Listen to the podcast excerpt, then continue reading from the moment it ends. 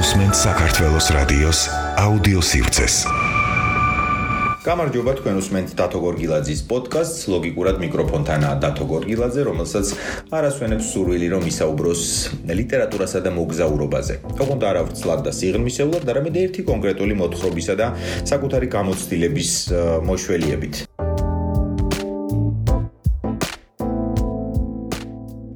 ვრცლად ამ თემაზე საუბარი არ მინდა, იმიტომ რომ ძალიან დიდი და მნიშვნელოვანი თემაა, მოგეხსენებათ პერსონაჟის მიერ გასავლელიან განვლილი გზა ლიტერატურას აინტერესებს ჯერ კიდევ ანტიკური ხანიდან და ამიტომაც მოდით სპეციალისტებს დაუტოვოთ ამის პრეროგატივა. ამ თემაზე ლაპარაკი საღერღელი ამიშალა წუხელნანახმა სიზმარმა, რომელიც თავის მხრივ ნაკარნახევი იყო იმ ფიქრებით, რომლებმაც წამიღო ძილის წინ. და ეს იყო მოგზაურობა. მოგზაურობა მიყვარს მეც, მოგზაურობა უყვარს მე მგონი ყველას, ვისაც ამის დიდი გამოცდილება აქვს, ვისაც ცოტა უმოგზაურია, მაგრამ რაღაცნაირად აღაფრთოვანებთ მათ სიახლეები, ახალი შენობები, ახალი ადამიანები, ახალი ხედები, ახალი თავგადასავლები, რომლებიც სასიამოვნოდ მთავრდება, ან თუნდაც ფათერაკები, რომლებსაც ბევრი ხიფათი ახლავს ხოლმე თან. მოკლედ, მოგზაურობა უყარს უკლებლივ ყველას, გავკადნიერდები და ვიტყვი ასე. ჩემი მეგობარი ამბობს, რომ მოგზაურობა იწყება იმ მომენტიდან, როდესაც პასპორტს დაუწყებ ზებნას და ვერ პოულობ და მე აღმოაჩენდა რაღაცნაირი სიხარული შეგიპყრობს ხოლმე.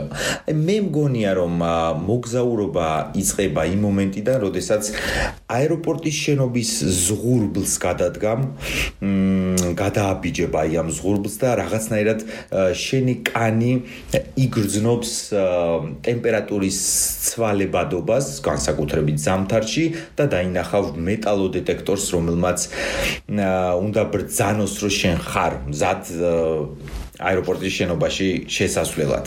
და იგრევე გამახსენდა ერთი მოთხრობა, რომელიც ეკუთვნის არც მეტი არც ნაკლები დიდი კოლუმბიელის ნობელის პრემიის ლაურეატის გაბრიელ გარსია მარკესის კალამს. ისე მოხდა, რომ გაბრიელ გარსია მარკესი საქართველოს ძალიან პოპულარულია, მაგრამ როგორც წესი მას იცნობენ მისი მთავარი რომანით, შემდეგ ამ მთავარ რომანს მოსდევს სხვა რომანები, მაგრამ ძალიან ცოტას თუ წაუკითხავს მისი მოთხრობები, რომლებიც ცალკე აღნიშნის ღირსია ხოლმე და ჩემი აზრით ეს არის მისი შემოქმედების მთავარი მარგალიტები.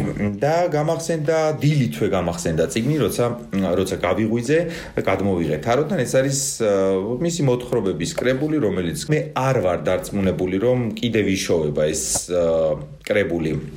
ციგნის მაღაზიებში და ამშვენებს მათ თაროებს. და პირველივე მოთხრობა რომელსაც ხვდებით აი ამ კრებულში ეს არის მშვენიერი მძინარე ქალის თვითმფრინავი. ან როგორც მას მეორენაირად უწოდებენ მძინარე მზეთუნახავის თვითმფრინავი. მე მგონი ამ მოთხრობის ერთადერთი თარგმანი არსებობს უბრალოდ სათაურ სხვადასხვაგვარად მოიხსენიებენ ხოლმე. თეა გვასალიას თარგმანი გახლავთ აი ეს მოთხრობები და ზოგადად ეს კრებული და ეგრევე როცა გავიღვიძე გამახსენდა სწორედ აი ეს ტექსტი. მე ლიტერატურას უყურებ რამდენიმე თვალით. ორი მაქვს მაგრამ მაინც რამდენიმე თვალით უყურებ და ერთ-ერთი არის ის რომ როდესაც რაღაცის დანაკლისი მაქვს ვცდილობ რომ ამოვივსო ხოლმე ეს დანაკლისი შევივსო ეს დანაკლისი და ამჯერადაც არ გამიცრუა ლიტერატურა იმედები და ეგრევე ჩაუჯექი დილითვე აი ამ მოთხრობას და კიდევ ერთხელ. ალბათ რიგით მე ასეთ გადავიკითხე ეს ძალიან პატარა თუმცა ჩემთვის მრავლის მთქმელი ტექსტი.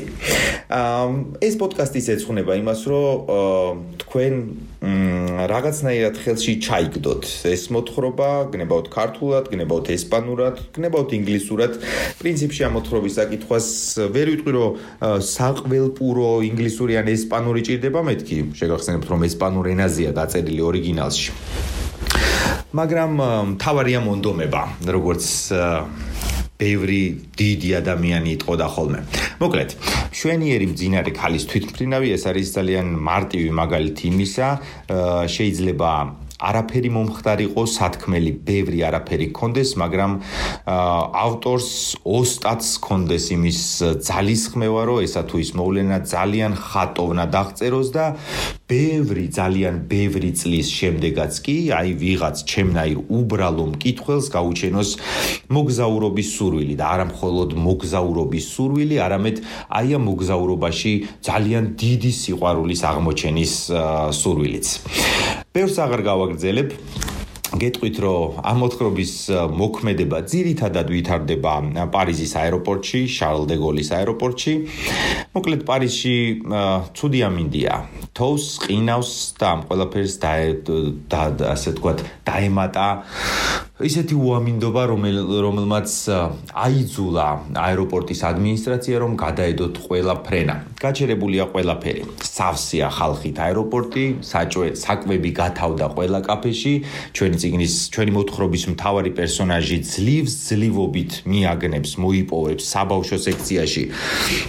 ორ კილა ნაყინს, რომელსაც მიირთმევს და მოკლედ დაბოდიალებს აეროპორტის უღრანებში და ამასობაში ის დაინახავს ყველაზე ლამაზ ქალს, ვინც კი მას უნახავს. ოდესმე. ანუ ეს ლიტერატურული ხელხი, ჩვენ ყველანი ვცდილობთ ხოლმე რომ ერთფეროვან გარემოში, სადაც არაფერი ხდება, დასტრესილები ვართ, განვიცდით რაღაცას, ვიპოვოთ ახალი თავგადასავალი და პრინციპში მოთხრობაც ასე იწება. ლამაზი იყო, მოქნილი, ნაზი, ხორბლისფერი კანითა და მწვანე ნუშისებრი თვალებით. აი პირდაპირ ავტორი შემოგვაპარებს აი ამ ქალის სილამაზეს, რომლითაც ის მოიხიბლება და ეს ქალის უჩინარდება შემდეგ აი ამ აეროპორტის უღრანებში, რომელშიც დაბოდიალებს თავად ავტორიც და მოკლედ განგება იქცევა ისე რომ ეს ადამიანები ერთმანეთს გვერდი გვერდ შეხვდებიან, ეს განგება ამ ადამიანებს გვერდი გვერდ დასვამს თვითფრინავში. მოკლედ, როგორც უკვე გითხარით, არაფერი განსაკუთრებული ამ მოთხრობაში არ ხდება გარდა იმისა, რომ ავტორი ჩვენ გვიშლის ადამიანური გრძნობების და ადამიანის უკიდეგანო ფანტაზიის პალიტრას. მე თუ მკითხავთ, ძალიან კარგი იქნება, ვისაც მოგზაურობა ძალიან მოგენატრად, გინდათ მოგენატრად და გინდათ რომ შეივსოთ ეს დანაკლისი, ამ პირიქით გაიმძაფროთ სურვილი, რომ ისე ვიმოგზაურებთ, ისე მოხვდებით აეროპორტში, რომ რომლის ყოველდღიურობაც, რომლის რუტინაც ბევრს არ უყვარს, პასპორტის კონტროლში დგომა ბარგის ჩაბარება, აი ეს ხელოვნურად გაფილტრული ჰაერი, ბევრი ადამიანი, რომლებიც ირევიან, ბევრს ეჩქარება ფრენაზე, ბევრი წყნარად არის, ბევრი ელოდება საკუთარი რეისის გამოცხადებას, ბევრს ეს ზულს, მაგრამ მე პირადად ძალიან მიყვარს და დარწმუნებული ვარ, ვისაც ზულს, იმას ისე მოენატრა ახლა მოგზაურობა და ისე განიცდის დანაკლის ამ პანდემიის გამო, რომ ესეც კი აუცილებლად ენატრება. და ვისაც გენატრებათ, ყველას გირჩევთ, რომ ჩაუჯდეთ ამ მოთხრობას, მას ქვია შვენიერი მძინარე ქალის თვითმფრინავი და თქვენ პირობას გაძლევთ რომ იმოგზაურებთ არა მხოლოდ ახალ ადგილას. ამ მოთხრობის მოქმედება როგორც უკვე გითხარით ვითარდება მხოლოდ აეროპორტის შენობაში და თვითფრინავში შემდეგ და მარკესი ამბობს რომ თითქოს ძაფით ეკიდა ღრუბლებში ეს თვითფრინავიო და ამის თქმას აიძულებს ის, რომ დიდი სიყვარული, გაცხოველებული სიყვარული არის მის ორგანიზმში მომენტში გამჯდარი. აა აქ აღმოაჩენთ, რომ წერლის ფანტაზია და ოსტატობა სინამდვილეში არის აა უკიდეგანო და მაშინაც კი, როდესაც თქვენ არიცნობთ ადამიანს თქვენ შეიძლება რომ ის უკიდეგანო შეგიყვარდეთ. სხვათა შორის აი ამ პოდკასტს დავასრულებ ერთი დიალოგით დიალოგით არა გამოლაპარაკებით ერთი ნახვით სიყვარულის თუ გწამსო ეკითხება ერთი პერსონაჟი მეორეს და ეს პასუხობს რომ მე სხვანაირი სიყვარულის არც კი მწამსო. ყველას გირჩევთ რომ ან დაგუგლოთ ეს მოთხრობა ან თუ კი წიგნი გავთ გადმოიღოთ და სულ რამდენიმე წუთი დაკარგოთ იმაში რომ აა იმოგზაუროთ, ამოიცოთ ეს დანაკლისი და ბევრი რამ გაიგოთ სიყვარულის შესახებ. მე დათო გორგილაძე ვარ, უსმენდით ჩემს პოდკასტს, ან არც კი ვიცი რა დავარქვა ამ ყველაფერს, ამ ბჟუტურს, მაგრამ პოდკასტს ლიტერატურისა და მოგზაურობის შესახებ. ნახვამდის. საქართველოს რადიოს აუდიოსივრცე.